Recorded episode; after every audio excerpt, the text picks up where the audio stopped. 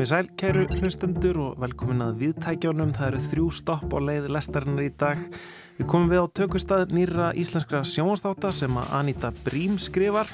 Við rennum til Argentínu og heyrum um mótmælamenningu landsins og við spjöllum við Unstein Manuel Stefansson um nýja tónlist og hlaðvarp frá honum. Þegar ég kom á ákveðin stað í mínu langtíma sambandi, í mínu hjónabandi, að þá fann ég ofbúslega mikinn skort á sögum um langtíma samband.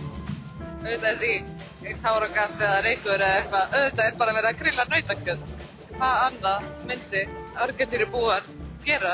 Og svo kemur Spotify mjög stertinn og fólk er að syngja mjög mikið á íslensku og það er farin doldið fókusun frá því að fara út að spila en það var einhvern veginn, þú þurftir ef þú ætlar að lifa af sem listamæður á Íslandi þá þurftir að fá aðtegli að utan Ég heiti Lóa Björg Björnstóttir Ég er Kristján Guðjónsson og þetta er Lestin mánudaginn 12. september og já, við ætlum að byrja lestina á nýjum sjónastáttum sem að um, nú er verið að taka upp hérna á landi. Eh, þetta er reyndar ekki True Detective okay. sem að eh, fólk er mikið að tala um núna út af einhverjum rosalegum peningum sem koma í ríkiskassan uh, og öllum þessum íbúðum sem að, hérna, eru legðar fyrir tökuleiðið um, já, það byrju ekki fyrir náttóber kannski fjöldum eitthvað um það þá. En í dag eru það íslenskir þættir uh, sem er verið að vinnaða núna í kíkti á tökustaf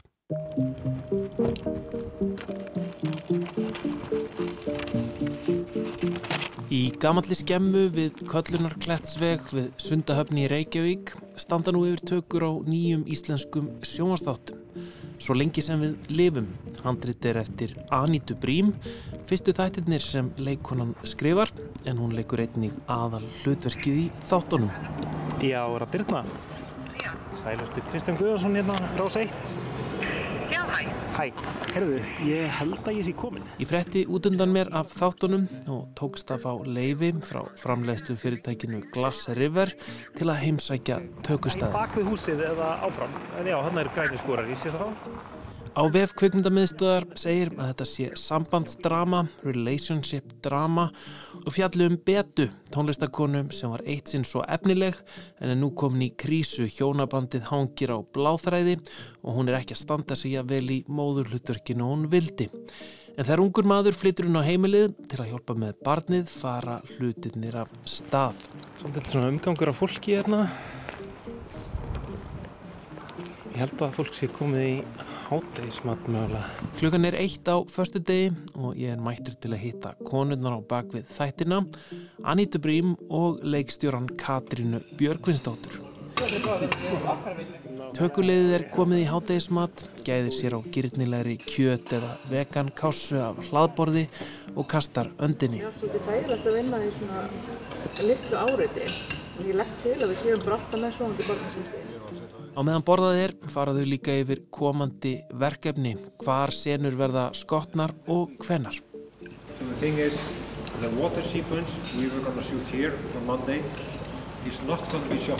So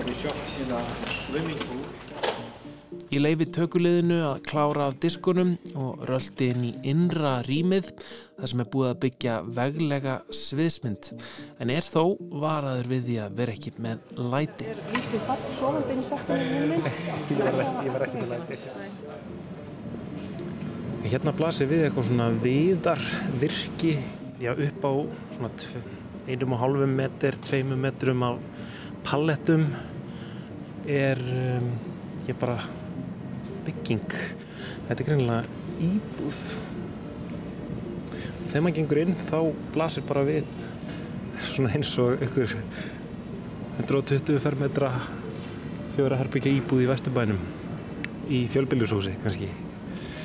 Smá útsinni Það er búið að byggja heila íbúð með ótrúlegustu smáadriðum, öllu innbúi og jáfnvel fungerandi húsbúnaði. Það getur kíkt inn úr glukkana og séð eh, sofasettinn og um, gömlu ljósakrónirnar og allt það sem maður myndi sjá í svona íbúð í raun og vera.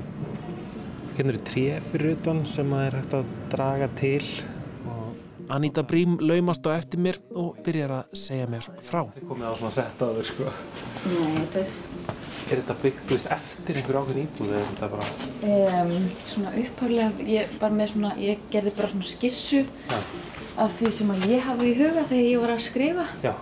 Það ég náttúrulega skrifa með ákveðinu svona, þú veist, fólk er að mætast hérna og koma og þú veist, ákveðinu svona tíma. Þannig að, og svo er hann Heimir Sverris hérna sem hann Salernið í 50s eða 60s stíl með ljósbláum flísum, gömul íslensk eldhúsinnretting með rafa eldavél, bækur í bókahillunum, píanó, teppi á stofugólfinu, litlar hugulegar svalir. Já, en þau eru í svona svolítið milli tímabils Já, já. ástandi, þú veist, svona rétt áður en að draumurinn rættist einhvern veginn. Ummitt. Þannig að, það er ekki búið að gera upp Já. lofvorða einhverju sem að, svona, Út um gluggan blasa við tré og útsýni yfir vesturbæinn, risastór ljósmynd prentuð í hári upplausn á sviðstjöld sem hanga aðeins fyrir utan. Könnunarleðungurinn minn endar í hjólhísi sem stendur á miðju gólfinu, bæði sminkherbyggi og svo slökunarými fyrir aðalleikonuna sem mikið mæðir á. Komum okkur fyrir og ég spyr um þættina. Takk. já, þetta er eitthvað sem að, já, ég er búin að vera að vinna að um, undanfærin 5-6 ár, svona frá því hugmyndin kom fyrst og svona búin að vera að, að þróa þetta inn á milli annara verkefna og, og fyrir svona einu og hálfa ári síðan þá byrjaði ég að setja í sérst, sjóma serju form og þá fannst mér nú allt í hennu verið kom, vera komin svolítið heim, þessi saga. Ertu búin að skrifa lengi svona almennt eða er þetta svona fyrsta, fyrsta sem að hérna kemur upp úr skúfunni? Já, já, já, það er bara, já, ég, hérna, já, ætli ég ég er svona haldin á ákveðin svona þráhyggju einkennum, þannig að ég, ég, já, það voru svona, svona stóra spurningar sem að koma upp á borð í mínu lífi. Um, um, og, og ég fór svona bara að, að einhvern veginn að, setja það neyra á blað. Og fyrst var það í svona einhvers konar fyrstu persónu skáldsagnaformi og, um, og svo, já, svo bara svona þróaðist það og það var í raun og veru bara ég að spyrja spurning, spurninga og mér fannst einhvern veginn um leið og ég setti það neyra á blað að þá fannst mér auðveldar að finna næstu spurninguna. Þannig að þetta var alveg svona, mm, já, ég, er, ég, ég, ég ætlaði mér ekkert, ekkert svo sem fyrst að búa til neitt verk, þetta var bara svona svolítið ég er hérna að leysa einhver ákveðnar lífsgátur fyrir sjálfa mig. Einmitt. Er, er, það ekki bara besta listin sé einmitt einhver svona tilraun til þess? Jú, er það, er það ekki alltaf þannig að, veist, að, að listaverk sem maður býr til, það kemur úr einhverju þörf fyrir að kafa ofan í einhver málefni eða spurningar og ég held að komi alltaf frá uh, persónulegum stað. Einmitt, einmitt. Katrín, hérna, þú myndir kannski segja mér bara hva, hvað, hvað, hvað þættir eru þetta? Hvað, hvað er að gerast í þeim? Um, um hvað fjallað er? Já, ó, fæ ég það. hérna, þeir fjallaði um betu sem að hérna andarleikur sem er kona sem að hérna er komin á svolítið svona endastöði í lífinu kannski uh, er í hjónbandi sem að er orðið svolítið svona þreytt og hérna og nýtur allan þessum tíma í að sjá um barnið sitt sem er rétt rúmlega einsás og, og vantar kannski bara svona smá svona einhverja svona glæður eða eldmóð í lífið sitt til þess að vekja sig aftur til lífsins og hérna og ég veit ekki, kannski vil ég ekkert segja of mikið hvað gerist en, en hún finnur alls konar vilt þú bæta einhverju við? Já, sko, þetta er svona, þetta er svona byggist rosalega mikið á, sko, að því mér finnst, um, svo einhvern veginn, þegar ég kom á ákveðin stað í mínu langtíma sambandi, í mínu hjónabandi, að þá fann ég, sko, fann ég ofbúslega mikinn skort á sögum um langtíma samband. Að það er rosalega mikið af sögum um ástina, þegar ástin kveiknar, að það er svo skemmtilegt og spennandi og, og hérna, og, uh, og náttúrulega skemmtilegt að horfa á, en, en ég fann einhvern veginn að að þegar ég var á ákveðnum staði í mínu lífi að það að væri algjör skortur á sögum um langtíma samband og þau mál sem að koma upp þegar þú ert búin að vera með einhverjum í langan tíma þegar þú ert eignast börn og þegar alls konar dót fyrir að flækja e, e, lífið um, og að því að það voru ekki ynga sögur um það að þá hugsaði ég bara, þú veist, þá hlíti bara að vera eina manneskina heiminum sem er að díla við þessi vandamál að það, það sem maður sér í kringum sig að það sem að ég sá í kringum mig var bara þú veist fólk að óska hvort eru til hamingi með 25 ára brúkasamil og Facebook og allir vistu vera rosalega gladir og ég bara hvað er að mér þá? Skilur þannig að það var svona kannski dræfið með að segja þessa sögu svona að, að, að heiðra þú veist all, öll flækjusti og alla liti um, hjónabandsins og langtíma sambandana Katrín, hven, hvernig kemur þú að, að þessu? Þú, þú hefur, þú náttúrulega lærið, þú lærið út í Danmörku, mm uh, gerðir lokaverkefni þar sem var sjónvastáttur sem var vist nokkuð óvinnulegt að það ekki? Jú, einmitt. Uh, hefur leikstýrt uh, í ófærð en, nú ertu bara alveg stjórnvölinn hér. Hérna, hvernig, hvernig komst þú inn í þetta?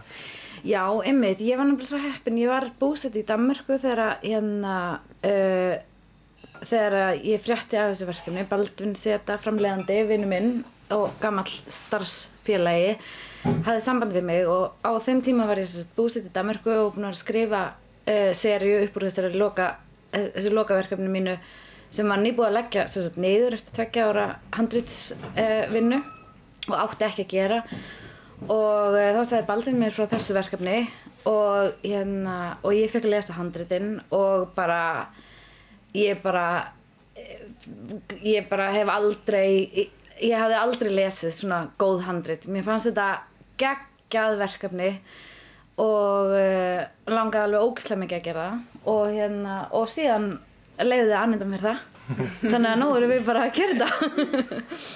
En hérna Anita, uh, varst þú með hérna einhverjum svona sérstakar hérna óskir um, um leikstjóra, hérna skiptir þetta til dæmis máli að þessi kona sem að, sem að leikstýrir þessu eða er það bara hefði geta verið hvaða góði leikstjóri sem er sem að tekur, tekur svona þessir um, Nei, ég, ég sko ég var í raun og ekki búin að býta í mig að það er þetta eitthvað að vera kona. Ég, ég bara, hérna, það er einhver sem að sem að hafi djúbstæðan skilning á efninu.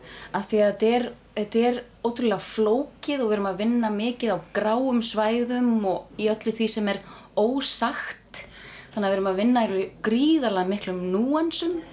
Þannig að, að þegar Katrín kom, kom til leiks og við byrjuðum að spjalla og sliðis og bara hérna hún er svo um, ótrúlega næm á efnið og dramaturgíuna og, um, og, og klár. Þannig að, hérna, að það einhvern veginn þú veist þegar við byrjuðum að, að spjalla einhvern veginn þá, þá vissi ég að þetta væri mhm. rétt að manneskjan fyrir að þetta er, þetta er, þetta er mjög, þetta er óvennjulegt efni þú veist það er ekki beint að segja að þetta er eins og þetta eða þetta, þetta er svona svolítið sitt eigi dýr mm -hmm.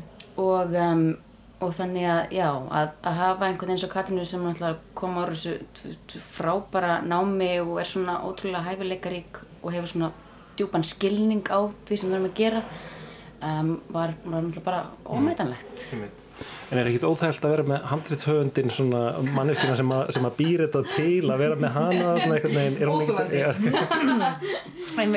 Nei, það er eiginlega bara hérna alveg geggjað því að einhvern veginn ég, það er ótrúlega gaman að vinna með leikonin sem að hérna veit sko allt um sen, hverja einustu senu sem við erum fyrir að gera og það er eiginlega bara þannig að þú veist, Anninda er náttúrulega sko okkar allra besta leikona og hérna hún neglir bara hverja einustu senu sem við gerum að því að hún, hún skilur efnið niður í kjölinn og það er ótrúlega gaman að hérna að það er einhvern veginn hægt að hoppa yfir eitthvað ákveð skref og það er bara hérna hún er þú veist, hún, hún bara er búin að fara í húðina á betu, þú veist. Þannig að hún þekkir hennan karakter út og inn og það er bara ótrúlega skemmtilegt. Mm. og það því líka við getum svona settist um að breyta saman og hérna það er bara hérna gaman. Ekki beða um að skrifa nýja línur eða það vantar Já, en að því að sko eins og ég líti á það þá er sko handrita skrifin eru sitt eigið sköpunarferli. Og svo þegar maður kemur á sett þá eiginlega hefst nýtt sköpunarferli. Það sem að, að, það sem að allir koma að og, og þú veist, leikara leikstjóri en, en það er líka allir sem er að vinna í krúinu, það er allir að leggja eitthvað til og þannig að, að dýrið breytist alltaf í þessu sköpunarferli og svo er eiginlega annað sköpunarferli sem er eftirvinnslan og klippið og svo leiðist þannig að, að það er bara dásamlegt að einhvern veginn að núna eru við í þessu sköpunarferli og það eru að, að, veist, að sjálfsögðu og, og sem betur fer veist, breytast og þróast hlutir veist, það bara, þeir bara diffka og verða betri eftir því sem að veist, allir þessi flottu listamenn í öllum deildum koma að því og leggja sitt til Og hva, hvar eru við stödd hérna svona í, í tökuferlinu núna? Hva, hérna, hvern, hvern- hvernig gengur þetta? Hvað eru þið komin langt? Já, við erum á degi 23 af 48. Þannig að við erum að verða hálnuð uh, og uh, erum hérna búin að vera að skjóta hérna inn í þessari skemmu eins og segir í svona íbúð betu sem er búið að byggja hérna inn í þessari skemmu. Búið að byggja heila íbúð. Er, er þetta venjulegt eða hvað? Þessi byggð heil íbúð, svona vesturbæjar íbúð einhver uh, gömul? Þetta er nú kannski ekki, þetta er ekki alltaf gert sko, þetta hefur alveg verið gert og hérna kannski gert meira úti. uh, en uh, já, við erum svolítið, hún er náttúrulega svona eðli söguna samkvæmt, er hún mikið heima. Þannig að við ákvaðum að leggja svolítið mikið í það og hérna leikmynda hennar nokkar Heimir Sverrisson byggði þessa geggjöðu íbúð uh, sem er ótrúlega gaman að skjóta í og hérna og, og auðveldar vinnun alveg rosalega mikið að hérna, geta fært í veggi og hérna og allt er einhvern veginn hannað eftir kunstnarina reglum þannig að sé gaman að horfa á það Já, og, og líka kannski að því að heimilið er svo stór partur af sögunni. Heimilið er svona eins og um, annar fjölskyldu meðlemur. Þú veist, þú heldur utan um þau og stendur svolítið fyrir hvar þau eru í lífinu. Þannig að umhverfið, það sem við erum að eyða mjög miklum tíma, það, það var mikilvægt. Þannig að við vorum bara ótrúlega heppin að bæði fá alveg rosalega gott fólk í lið með okkur og, og að framleiðendunir okkar voru, voru tilbúinir til þess að hérna, til þess að fara í, í þessa útfærslu með okkur. Viltu ekki segja hverjar eru í þessu með okkur?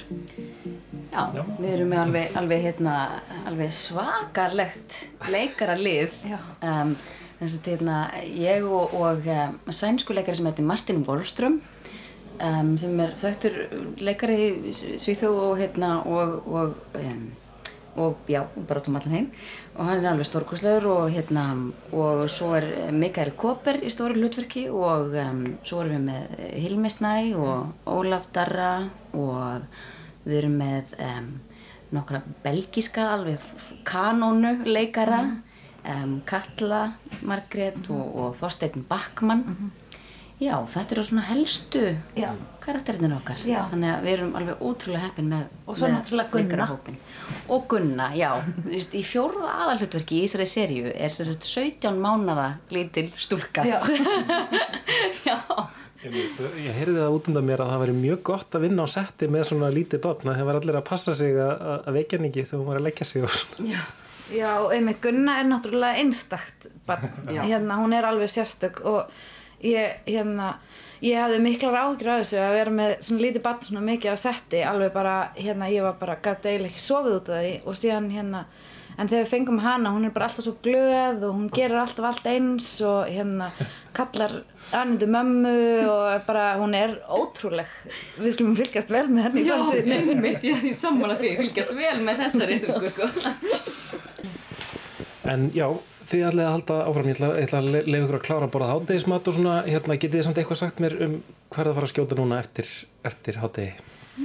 Heyrðu, já, einmitt, við erum að fara að skjóta hérna senu með Anitu, nú er ég bara að segja Anitu núna hvað Já, einmitt, já, segðu mér nú. hérna, við ætlum að skjóta hérna senu þar sem að hún fær uh, bref með vondum fréttum og Mjög hérna, fréttum. mjög slæmum fréttum Já. og hérna, og fer í það já, svona, fjöla sönnunagögn svolítið Já. Já. Spennandi, spennandi, kryptíst. Hérna, en já, ég ætla, ég ætla, Anita, ég ætla að lefa þér að klára að borða hérna inn í, inn í hjólhísinu. Ég var aldrei komið inn í svona hjólhísi á setti, svolítið flott. Hérna já. Hérna, já, bara svolítið, svolítið kósi. Svona smá svona meiri ró frá kliðnum hérna úti. Já, æ, það er svo, hérna, þegar maður er að taka svona, þú veist, að ég er eiginlega í hverju einustu senu og það er oft, þetta er eiginlega allt alveg ofbóslega krefjandi efni og þá bara hafa eitthvað rými sem maður getur, hérna, um, verið aðeins í þögn á því að við, maður þarf að undirbúa sig á mjög skömmum tíma og ofta endur stilla sig í næstu senu sem er kannski í öðrum þætti þannig að þannig að til þess er þetta nú svona gerst, gert að því að við erum að, að vinna rætt á, á mjög krefjandi hátt Einmitt, einmitt. Já. Uh, Anita og Katrín, takk kærlega fyrir að hitta mig hérna um, á setti fyrir þættina svo lengi sem við lifum. Takk Fyrir leiðis. okkur, takk, takk Heyrðu,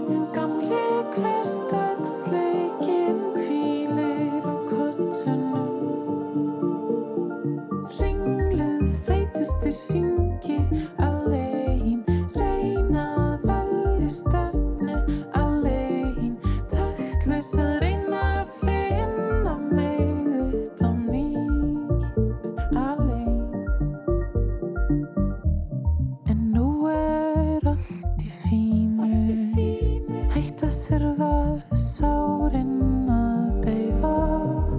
Hlusta þú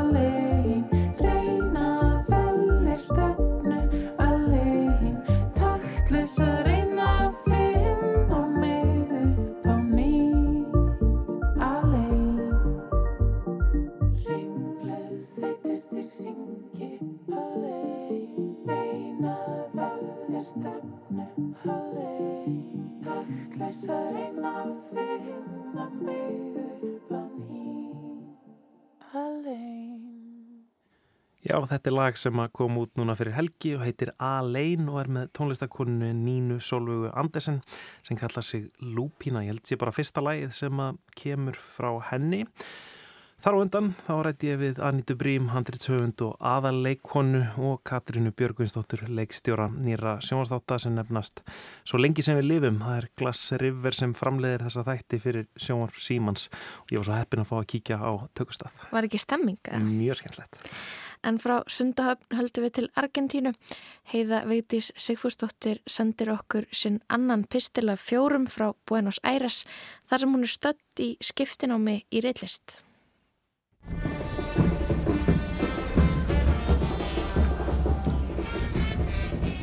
Daglega marsera misturir hópar af fólki um götur og torg borgarinnar. Fólk af ólíkum pólum stjórnmála úr mismunandi stjættum og stöðum kemur saman til þess að tjá skoðanir sínar, krefjast úrbóta eða einfallega til þess að sína samstöðu. Hér eru allir með skiltir sem stendur á. Allir eru með Kristínu. Þetta er eins og taktfæst reynjandi í borgarnið Buenos Aires. Svona hópur af eldri borgurum. Síðisleina viku hefur þessi hefið verið haldin á lofti í miklu mæli í Suður Ameríku. Í nágrannlandinu Chile sapnaðist fjöldi borgara á götum úti til að krefast nýra stjórnaskrár sem var síðan reyndar kosið gegn. En hér, í Buenos Aires, marseraði fólk um götur borgarnar af öðrum ástæðum. Og þar sem ég hérna, í miðri ringuðinni, langaði mig að kanna þessa ríku menningu fyrir því að mótmala og sína samstöðu í Argentínu. Nánar tildekið í Buenos Aires. Og þeir dansa áfram niður göttuna. Í takti tónlistina. Þessi menningaransókn mín hófst reyndar alveg óvart. Að kvöldi 50 dagsins 1. september hafði ég fengið post frá skólanum mínum, Universidad del Salvador, um að skólinn fjallin niður næsta dag, fyrstu daginn annan september. Á þess að lesa postin ítalega held ég upp á frídaginn með því að komi fyrir á fallegu kaffhúsi í einu af eldstu hverfum borgarnar, San Telmo. San Telmo er sögufrækt hverfi engum vegna þess að það hefur að geima torkið Plaza de Mayo þar sem flest módmæli fara fram í borginni. Torkið, eh, La Plaza, dregur napsett af argentinsku byltingunni sem hóst í mæ, Mayo árið 1810. Þegar ég var í þann mund að fá mér sopa af nýluguðu kaffinu tók takturinn frá götunni skyndilega yfir. Bílaumferðin hafði vikið fyrir fólki sem fylgti göturnar og marseraði í áttabildingatorkinu Plaza de Mayo. Ég spurði kaffibarþjónin um tilefni samkominnar og hann síndi mér TikTok myndband af vel til hafðri rauðherðir konu. Hún var yngringt fólki sem virtist vera aðdandur hennar. Skyndilega kom í ljós skambisa sem náði hér um bil alveg upp við vanga konunar. Þar til hönd yngvers, líklega lífvarðar, sló vopnið burt. Samfélagsmeilar voru morandi í svipuðu myndbandum. Öll hafðu þau verið tekin kvöldið áður og átti það samilegt að sína mann beina skotvopni af Kristínu Fernandes til Kirchner, fórsættisra á þeirra Argentínu. Í beinu framhaldi var sendu tilkynning um allt land að frídagur, feriðó, er því haldin daginn eftir. Þráttur í varnarorð alþjóðfullur í háskólinum leti forvittina ráða og gekk inn í merðina. Er eitthvað reykur óna? Ég veit ekki hvort að ég fara lengra. Þegar nálgæðist torkið sá ég reykmökk rísa upp úr mannverðinni. Auðvitað er því táragas eða reykur eða eitthvað. Auðvitað er bara verið að grilla nautakjöld. Hvað annað myndi Argentínu búar gera? Já, í miðri hersingunni var búið að koma fyrir kólagrillum hér og þar. Til sölu var nautakjöld, tjúripan og auðvitað verið mont og malbekk, rauðinn. Já, það vantaði ekki upp á stemminguna. Torkið var yfirfyllt og búið var að flagga reysastunum borða þvert yfir hersinguna. Í fánalitum Argentínu, bláum og hvítum. Með máluðum myndum. Myndir, borðar, hann er páfinn, hann er... Búið var að mála myndir af Francesco, páfanum, sem er í argentískur og, og svo stjórnmál heitum sjóselsta hér í langdi, Evítu, Perón og fleirum. Eða þessum tilherra reyfingu Perón sem eru kallar peronistar. En eftir því sem ég komst næst sannleikunum var fólki á torgunum með ymsa stjórnmálaskoðanir. Þarna voru ekki einingur stuðnismenn Kristínu Fernandes de Kirchner. Te puedo preguntar sobre el cartel. ¿Quiénes son? El Normandeto del Grupo Clarín. Ég gaf mig að tala við konu sem held á aðtilsúri skildi sem búið að vera að líma á ljósmyndir sem virtist vera af uh, valdamiklum karlmönnum. Hún sagði mér að hún var komin til að mótmæla öfga hagrinu og að árásamadurinn væri líklega strengjablóða þess. Næstu daga heyrði ég ólíkar kenningar sem spönnuði allan skalan. Einn þeirra gerir ráð fyrir að fósettisráð þeirra og hennar flokkur hefði sett atbyrjuna á svið fyrir samúar atkvæði. Önnur að stærri öll hefur verið að reyna að steipa ríkisörnuna af stóli með ofbeldi og enn aðrir töldu eða ef árásamanninum hefði tekist að myrða Kristínu Fernandes til Kirchner hefði brotist út borgarstíðjöld.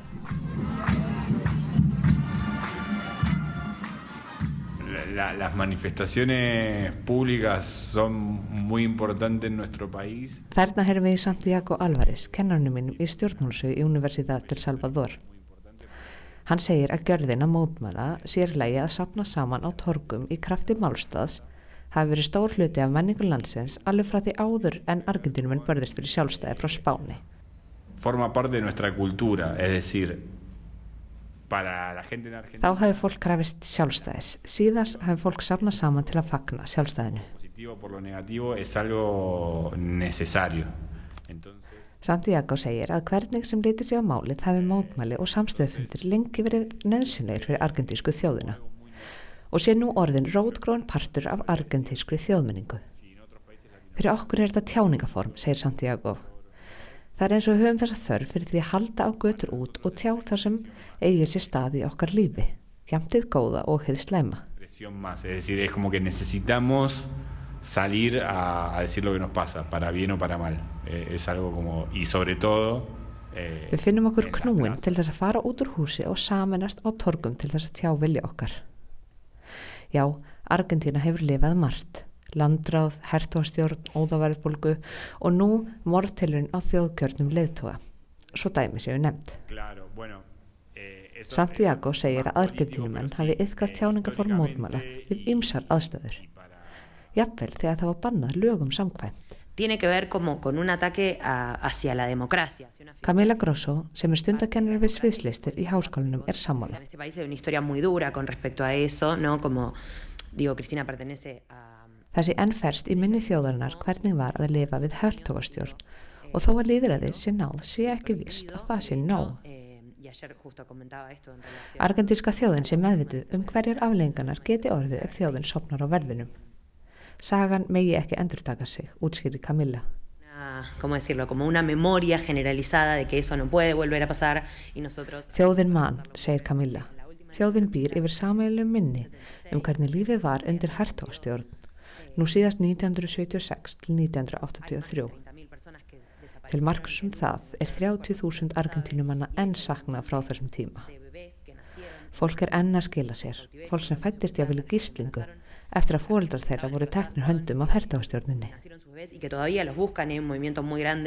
abuelas. Eldra fólk leitar enn barna sinna og barnabarna.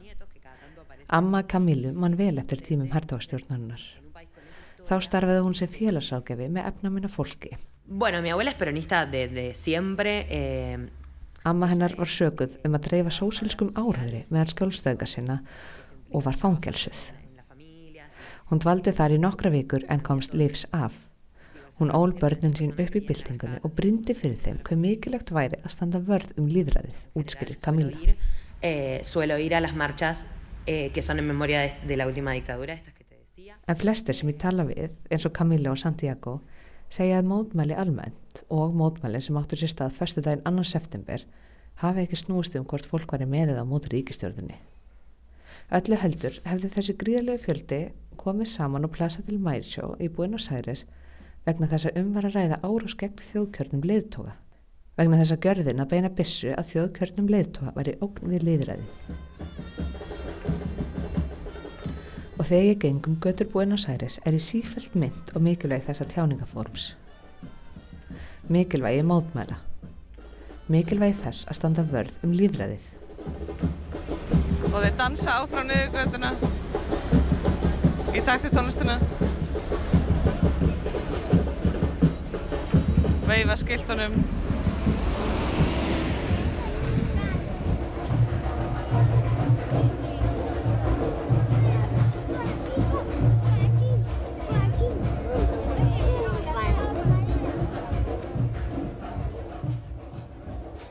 Þetta er takturinn frá mótmælum í Buenos Aires í Argentínu en þar hafa kröfugöngur verið haldnar í kjölfar bana tilræðis gegn varafórseta landsins Kristínu Kirkner núna um daginn. En það var heiða Vigdís Sigfúsdóttir sem kíkti á mótmælin. Hjælt að þau væri eitthvað að fara úr böndunum aðna þegar hún sá reik stíga upp. En það reyndist bara að vera kólagrill þar sem að nautakjött var eldað. Einmitt. En þá heim til Íslands við snúum okkur að tónlist á hlaðvarpsveitum er að finna nýtt íslenskt hlaðvarp, hlaðvarpið Amatör.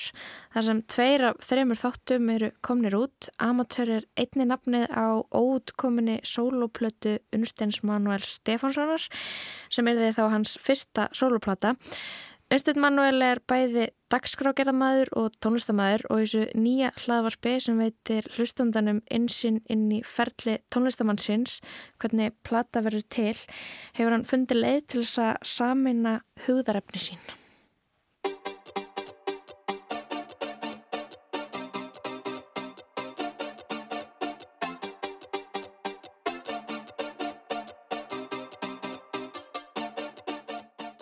Velkomin Unnsteinn, Takk fyrir. það er sólóplata á leiðinni, Mhm. amatör Já. og þú ert að fylgja hann eftir með hlaðvarpserju. Það er kominir tveir þættir, Mhm. tveir singular. Mhm. Hvenar er von á plötunni og, og senasta, senasta singul og, og Mhm. senasta þætti í seríunni? Sko, svona plötuútgáfa, þetta er dálítið eins og svona campaign fyrir í stjórnmálum sko Ok. og ég hef, hef svo mikið áhuga á amerískum stjórnmálum og svona stjórnmálháttum og svo vorum við núna í stúdíónu alveg bara ég var að fara að kála öllum sko bara, veist, að bara vinnu hérna hörku Aha. Þannig að þú ert að vinna í henni núna? Já, við erum að vinna, í- ég vinna í henni núna sko og það er hluti að ég setja podcast eða stað er að, veist, segja mitt, platnan er ekkert einu tilbúin en við erum komin mjög langt, við erum núna á geggjuður róli alveg í stúdíónu og þá hérna hugsaði með mér, ok, ég get haldið þessu tempói áfram næstu þrjár vikunar og náð plötin út fyrir Airwaves og, og, og í staðin þá á ég enga vini eftir hérna skilur þessi strák, þeir munu ekki tala við mig aftur Þannig að eins og svona stjórnmálamæður þá get ég heldur ekkert gefið neina dagsetningu hvenar platan kemur út sko. En hún mun koma bara fyrsta vikan á næsta ári sem er hendu til plötutgáfu. Einmitt. Og ég veit ekkert hvenar svo vika er sko. Sko ég er búinn að vera í rap-stúdíu þannig bara í mörg ár og, og að reyna að hugsa um einhverja danstónlist þar. Svo fer ég, svona, fer ég alltaf aðeins aftur frá henni og við förum í sumabústaði og Hermi Gervill. Það var uh, í COVID, svona 2020 um sumar. Mm. og þá er þetta ókslega mikið gítarokk ég fann svona gamlan gítareffekt í kólaportinu og hérna sem er bara þúsund magnarar inn í einni tölvu og ég byrja að gera alls konar gítarokk og, og, og eina svona sem er útgeðað því er Loser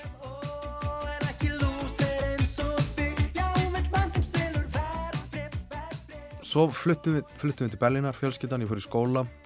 Og ég var ókslega langt frá tónlistinni í skólanum. Þá var ég meira bara að æfa á gítarinn en ég var ókslega mikið að fókusera á skólan og eftir um leið og fyrsta önnin kláraðist þá kefti ég mér lítinn trómaheila og svo eftir setna önnina þá kefti ég stærri trómaheila og þá fór ég að endurhugsa aftur bara ok, hvernig tónlist er ég að gera? Og fó meira að gera út frá því bara að gera tónlist sko, ekki vera að prógramera svona lag langar mig að gera þannig að þetta eru búin að vera svona þrjú sessjum þar sem við erum að reyna að finna hva, um hvað þessi plata á að- vera og, og soundið. Og Og svo fer hann í smá svona kvildin á milli, ekki, bara á nokkrum árum. já, Einmitt, og þú fer að gera alls konar hluti, fer í ykkur tvö mismunandi listnám. Já, einmitt, og, og COVID skellur á.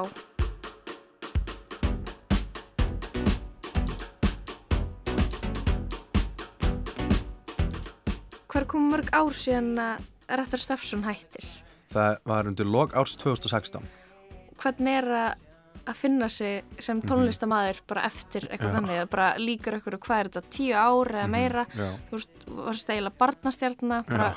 frægur síðan Mhm. að Rættar Stafsson byrjaði Mhm. hvað gerðist á þessu tímabili eftir að Rættar Stafsson hætti og þú ákveður að fara að gera tónlist aftur Sko, bara alls konar, þú veist, að ég var líka byrjaðar að vinna þess hérna í sjónvarpinu áður en að við hættum og svo var þetta alltaf svona tóast á og það er ofta einhvern veginn, ég veit ekki, með leiðum að fer að splitta hausnum í margar áttir, sko, þá, veist, getur maður ekki gert jafnvel það sem maður var að gera. Og ég fann það svona í músikinn, það var svona aðeins að detta niður hjá mér, en hún er daldið svona eins og trúabræð, ég verða að halda því við. Og, en ég, það tók mér ótrúlega langan tíma að finna út bara, herru, svona músík langar mig ekki að gera eða svona músík langar mig að gera og vera að gera tilraunir sem ég held líka sé mjög mikilvægt þú veist, frá því hljómsveitin hætti þá fór ég bara af stað í alls konar og svona fjölmiðla rekstur og, og, og það var svona bara hraðbraut í burnout sko og Mhm. eignast batna á sama tíma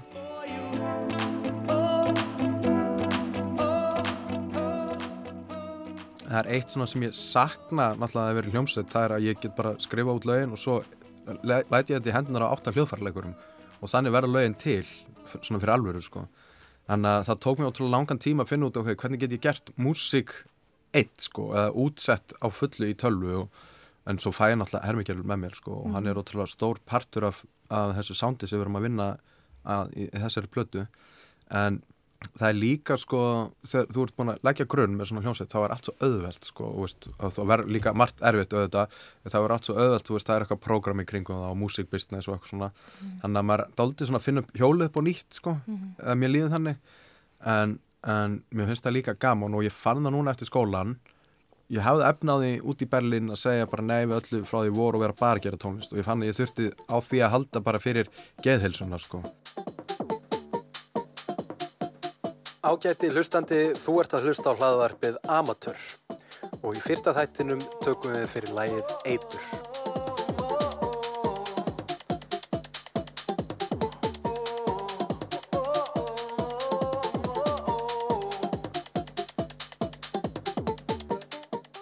Guð gef mér þólinnmæði til að klára þær hugmyndir sem eiga möguleika, kjark til að hætta við þær sem eru ekki að virka. En sko, þetta er hlaðvarp. Mhm. Það er fyrsta lagi bara mjög skemmtilegt að heyra svona pródúsera tónlistar hlaðvarp eða bara hlaðvarp yfir höfu á íslensku. Þú veist einn í því, þetta er ekki, ekki viðtöl, þetta er bara Mhm. þú að segja frá. Mhm. Ákveður hlaðvarp til þess að fylgja eftir plötinu út? Hverjast er hann að miðla Mhm. í þessu hlaðvarpi? Sko, ótrúlega stór partur af plötinu og svona umfjöldarnafninu er þetta hérna ferli bara og, og listranna ferli. Já, Mhm. og, og koma sér í gang sko. og þá datt mér í hug sko, bæði að hlaðarpið það getur verið góð kynning fyrir plötuna en líka held ég að það sé mjög mikilvægt og var, það var það fyrir mig þegar ég var að aðlast upp og verða listamæður að fatta bara, herru, hvernig gerir fólk hlutina, þú veist, og því við erum alltaf að sjá hérna, einhver loka einhver lokaafurð og ef, ef ég gef insýn inn í hérna ferlið á plötunni og þá getur ábygglega hjálpað einhverjum sem eru í sömu spórum og samkvort fólk sé að búið til tónlist eða eitthvað annað skapandi. Og, og fatta líka að það er ótrúlega mikið af mistökum sem að þurfa að gerast á leiðinni. Það hefur líka svo á hinum endanum hjálpað mér að gera hlaðvarpi bara til að halda svona sönsum við gerð plötunar og það er eitthvað svona, accountability í því líka. Nú langar mig aðeins að tala um textan í læginu. Í demói nr. 2 þá er viðlaðið svona. Mamma er tætt, hún var að vinna alla nóttina. Að gefa þér að drekka svo að þú eru þér sáttumadur. Þessi orð hripaði ég niður í blackoutinu sem fylgir því að vera nýbakað foreldri. ég, og ég talaði um það í hlaðarpinu, ég ólst upp við að horfa á svona making of þætti og hlusta á svona commentaries og DVD Mm. og, og, hérna, og þá eru bara leikstjórnir að tala um hérna, hvað var að gerast í, þessu, í tökunum á þessu atrið og þessu mér hefur alltaf langað að heyra eitthvað svona með músík og ég fann alls konar hlaðvörp sem er á ennsku en ekkert á íslensku. Og mér finnst líka oft hlaðvörp á íslensku vera oft bara einmitt uh, tveir vinnir, fá sér bjór og íta bara á rekk og svo er bara verið að tala í þrjá tíma sko. Og ég á nokkur þannig hlaðvörp sem, sem ég fíla en það er ótrúlega margt sem ég bara, ég nenni ekki að hlusta á. Og mér langaði þá að gera tilrönd hvort ég geti skrifað út sko þátt. Og ég fekk styrk fyrir því til að, gera sjónvarsþátt en svo, veist, um leið og COVID bara held áfram þá hugsaði með mér, ok, ég á mikrofón ég á stúdjó, ég get bara gert þetta sjálfur Mhm. sem hljóðformat. Og ég held líka að það sé mjög hérna uh, vannmetið form, sko, hljóðið. Og það er að koma ótrúlega stertið núna út því að augun og eirun eru svo ótrúlega mismunandi skinnfæri augun við sjáum bara það sem við, við sjáum og við trúum því en ef maður heyrir eitthvað, maður heyrir í draug eða eitthvað svona þá fyrir maður að ímynd sér alls konar þannig að það gefur líka ímyndunaraflinu finnst mér daldið lausan tauminn sko að vera ekki stöðugt með eitthvað á skjá í- fyrir fram að þig sko Mhm. og það verður líka svo ákveðin heilun held ég fyrir fólk að, að hlusta ok, þetta er listrann af herlið ok, það er alltaf lægið þótt þetta sé ekki ganga upp núna kemur kannski í næstu viku Malawi er mjög sérstakt land. Stórkostlega fallegt en strjábílt allstaðar. Það býr samt fullt af fólki þar. En landið er eins og ein endalös sveit. En það er þó höfuborg sem heitir Lilongwe og í útjæðri borgarinnar er ég einn daginn mættur í stúdjó. Græjurnar voru ekki upp á marga fiska. Það eru flottari græjur í En þú ert ekkert bara að tala um tónlistina og uh, hvernig eitthvað lag verður til. Þú ert líka að segja í rauninu bara svona sögur úr lífiðinu og Mhm. segja svolítið frá lífiðinu og bakgrunniðinum og svo Mhm. þegar þú fyrir til Berlínar Mhm. og þú veist, finnst þið mikilvægt að svo saga fylgja með efniðinu. Já. Hver þú ert. Já, alveg 100% því það hefur líka áhrif á tónlistina Mm. og, og sérstaklega núna mér finnst ótrúlega gaman að vera að spá í danstónlist og, og líka út af því þú veist hvaðan ég kem út af því að danstónlist allstaðar annarstaðar en í vestrænum heimi er þú veist það er ekki bara tónlist, það er líka einhver dansstíl og það heitir það sama þú veist, þú ert í Brasilíu þá ertu með samba tónlist en það er líka til dansar. Og, og eins í, hérna, í Afriku, þú veist, það er til Kuduru, það er til dæmis svona vinsalasta tónlistafnan í Angola það sem mamma minn kemur og það er veist, ákveðin ráftónlist en það er líka ákveðin dans sem fylgir því. Við gleymum því held ég oft á Vesturlöndum sko að veist, maður fer á tónleika og svo hérna er, er stendur fólk bara horfir. Og, og þannig að mín list á sviði hefur oft verið mikið í því að herru, allir að stað og hérna hoppa og dansa og eitthvað svona. Og það er bara einhvern veginn til að fá þetta element inn í okkar tónleika. En að það er líka eitthvað við það að núna erum við búin að vera heima, först heima, ótrúlega lengi og ég er að ímynda mér, þú veist, í gegnum COVID var ég að ímynda mér allan tíma bara, wow, hvað ég var til ég að fara á klúb og vera bara að dansa með einhverja tónlist. Það hefur ó, ótrúlega mikil áhrif á svo listina sem maður skapar í þessu tómarými og ég held að við munum sjá það mjög mikið núna að það er að koma miklu meira tónlist sem er gerð fyrir fólk í rými ekki bara fyrir streymistölur og Spotify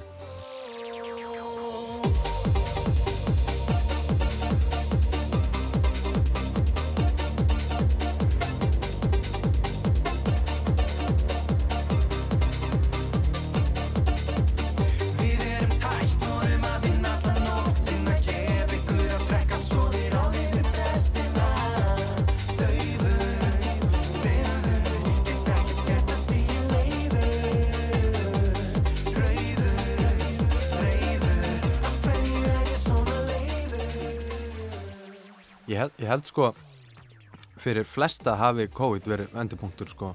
Og um eitt samankort þú sért í lista eða ekki og ótrúlega margir bara fara í einhvern nýjan feril eða fara í nám og, og, og, og fá sér nýja vinnu. En, en svo sérstaklega fyrir sko fólk í sviðslistum sko, sem að allt í hennu að við erum ekki með sviðið að þá hérna fer maður að spyrja sig líka bara ok, hva, hvað er ég að reyna að segja skilur og mér fannst það mjög mikilvægt út því að það var oft þannig á Íslandi því það er lítill heimur og, og Spotify hefur haft svona svo, svo mikil áhrif og þá fer maður mjög mikið að hugsa um sko, herru ok, ég ætla að gera lag og það er, maður fer að uh, setja svona daldinn kassa, veist, þetta á að vera eitthvað svona mainstream eða þetta á að vera næsti útarsetari Mm. og þetta hefur alltaf verið galdurinn finnst mér við íslenska tónlist að það var mjög lítil menning fyrir því að lögin okkar væri að fá einhverja spilun í útvarpi. Og þá gerði maður frekar fannst mér frjálslegri tónlist sko.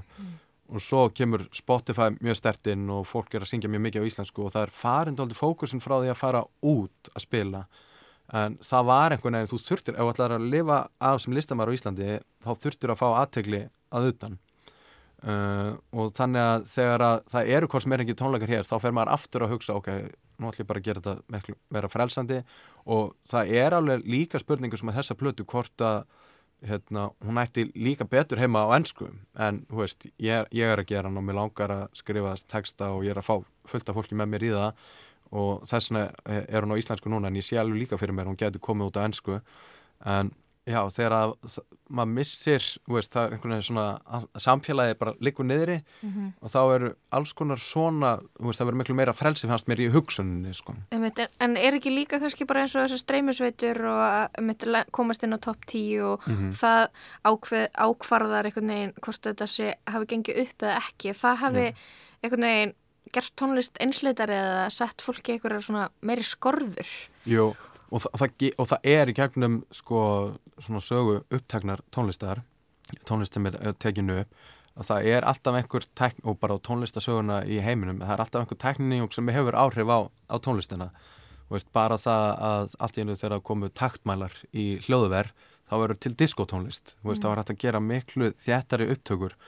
Og svo þegar Spotify kemur svona stertinn þá gerist það held ég í, í fyrsta sinn sem ég man eftir í svona popular tónlist síðan ég byrjaði að fylgjast með dagurtónlist að veist, við vorum alltaf að skipta um dagurtónlist á fimm ára fresti. Hva, hvaða stefna er dagurtónlist, það er aldrei einn ein, ein, ein stefna. Og þegar ég var í mentskóla þá var tóltum mikið indie rock fyrst og þegar ég er að útskrifast þá er svona danstónlist aðeins. Og svo þegar ég er útskrifaðar þá kemur Spotify og það kemur raptónlist. Og hún er ótrúlega lengi. Og raptónlist í aðlið sínu verður mjög lokal út því það er allir að rappa á sínum eigin tungumálum. Og við festumst aldrei þar, fannst mér, í daldin tíma en það kom ótrúlega margt út úr því og mikið af bara upptöku tækni og, og, og al- alls konar svona sem er flottu fyrir listina og núna er við þurfum að einlega það aftur í einhverja nýja stefnu sem ég held að sé danstónlist sem verður dægutónliststefna núna næsta árin sko. mm, einmitt, einmitt. Um, en finnst þér eins og út af því þú talar svolítið um þarna, frelsi sem fylgir í að vera bara einhver Já. í Berlín og Mhm. passa inn þar en hefur alltaf staðið út á Íslandi Já. líka út í þú veist frægur Mhm. finnst þér eins og þarna, þú sérstaklega, sérstaklega frjáls á Íslandi bæði einhvern veginn lífskeiða kaplöpið og líka bara út af því að þekka þið allir og vita hver þú ert Mhm. og er búin að vita það síðan þú varst 15 ára Mhm. eða eitthvað Já, sko, þa það er náttúrulega bara stór partur að, því, uh, að vera í Berlín, sko, einhver, bara hvernig maður upplifir sjálfan sig og, og listi er ótrúlega mikið, veist, samtal alltaf við, við sjálfan þig og ég þarf alltaf að spyrja mig, ok, er ég að stoppa af eitthvað ferli hér út af því að ég er með eitthvað hugsanir í gangi? En það var mjög sérstakt í Berlín og sérstaklega þess að ég bjóð á Hermannplats það var í fyrsta sinn sem ég bý einhverstaðar og ég lít út fyrir bara að hafa fæðstar og ég upplifði það ekki í Portugal, veist, það er bara stjætt að skiptast að þjóðfélagi heimi. Og svo Íslandi þá er maður veist, bæði lítur öðruvísi út en er einmitt líka þekktur. Og, og þá er alls konar svona kröfur skiluru og ég fann það alveg þegar ég var komin á fullt í fjölmeðlaregstur og, og líka músisera og kannski að koma fram hér og þar að ef ég fær ekki núna í nám og myndi reyna að efla mér sem listamæður þá myndi ég vera fastur á þessu balli næstu áratugina. Mm -hmm og, og þá kæm ekki endilega músikin sem ég væri að, sem ég langaði til að gera. Þannig að það var ótrúlega frelsandi að vera einhverstaðar þar sem er ekki þetta lífsgæða kapplaup og þú hefur efnaði að lifa fyrir nánast engan pening að vera bara að gera þar tilraunir og mér finnst það ótrúlega skemmtilegt og mér finnst það ótrúlega mikilvægt í þóttmanns ég að gera dagutónlist að reyna samt að svona ég, nú er ég ekki með íslensk orðið það fyrir að svona push the envelope að reyna að gera eitthvað nýtt mm -hmm. og vera í einhverju veist, hérna, frumsköpun út af því að það er líka það sem heila með við sjónvarpið að það er miðil sem er fyrir alla og miklu meir en leikús er í dag. Uh, af því það bara kostar sitt að vera leikús en það er allir með sjónvarp. Það er ótrúlega spennandi að gera þar eitthvað frumlegt en sem er samt fyrir almenning til að horfa á og, og vera að gera í raun og veru alþýðulist. Út af því að það er ótrúlega mikið list og sérstaklega svona, svona frumlegri list sem gleymur því oft sko að, að hérna, taka áhórandan inn og, og það er heldur ekki þar með sagt að öll list þurfa að taka inn. Veist, ég er ekkit endilega á því. En svo list sem ég er að gera veist, þá finnst mér mjög mikilvægt að fá hlustandan með. Og, og þess vegna finnst mér líka gaman að, að gera hlaðarpi út því að þú veist á endan þá er þetta mjög aggressív tónlist sem ég er að gera núna. Hún er mjög hröð og hún tar hún svona krefjandi fyrir fólk sko. En það er gaman að það fær svona smá kynning á því að reyna að opna það fyrir fólki Já, emitt. alveg svo, þú veist, og ég er að tala um það í podcastinu og það er margt líkt með danstónlist og jazztónlist, þú veist, þú getur alveg ferð og kafa týpra og það verður skemmtilega að hlusta á tónlistina fyrir viki Emitt Emitt um, Önsteit, Manuel, takk hérlega fyrir komuna í lestina, gangið vel að klára plötu og hlaðvarp Takk fyrir. og hérna, við fylgjumst með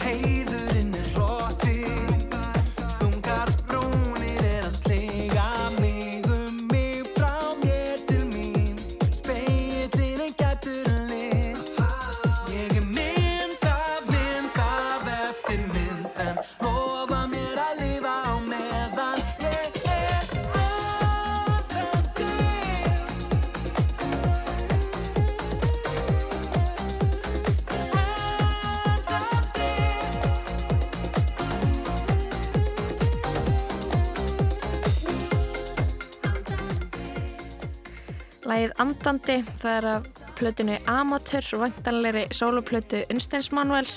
Svo er annar singull vantanlegur á föstudaginn og þá vantanlega nýr þáttur af hlaðvarpinu sem að Unstein heldur úti samferða þessari tónlista útgáfi aðteglisverð leið til þess að gefa út blötu og þetta verða að loka tónarnir í lestinni þennan mánudaginn. Við erum hérna aftur á morgun á sama tíma.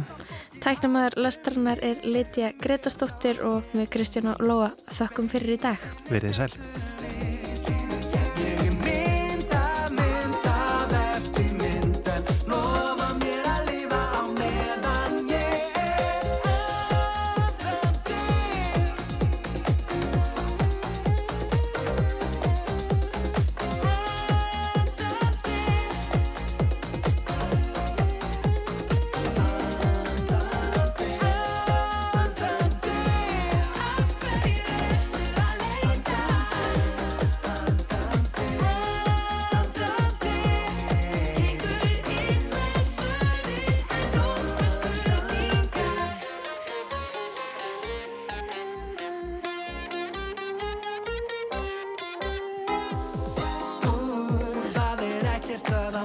Meira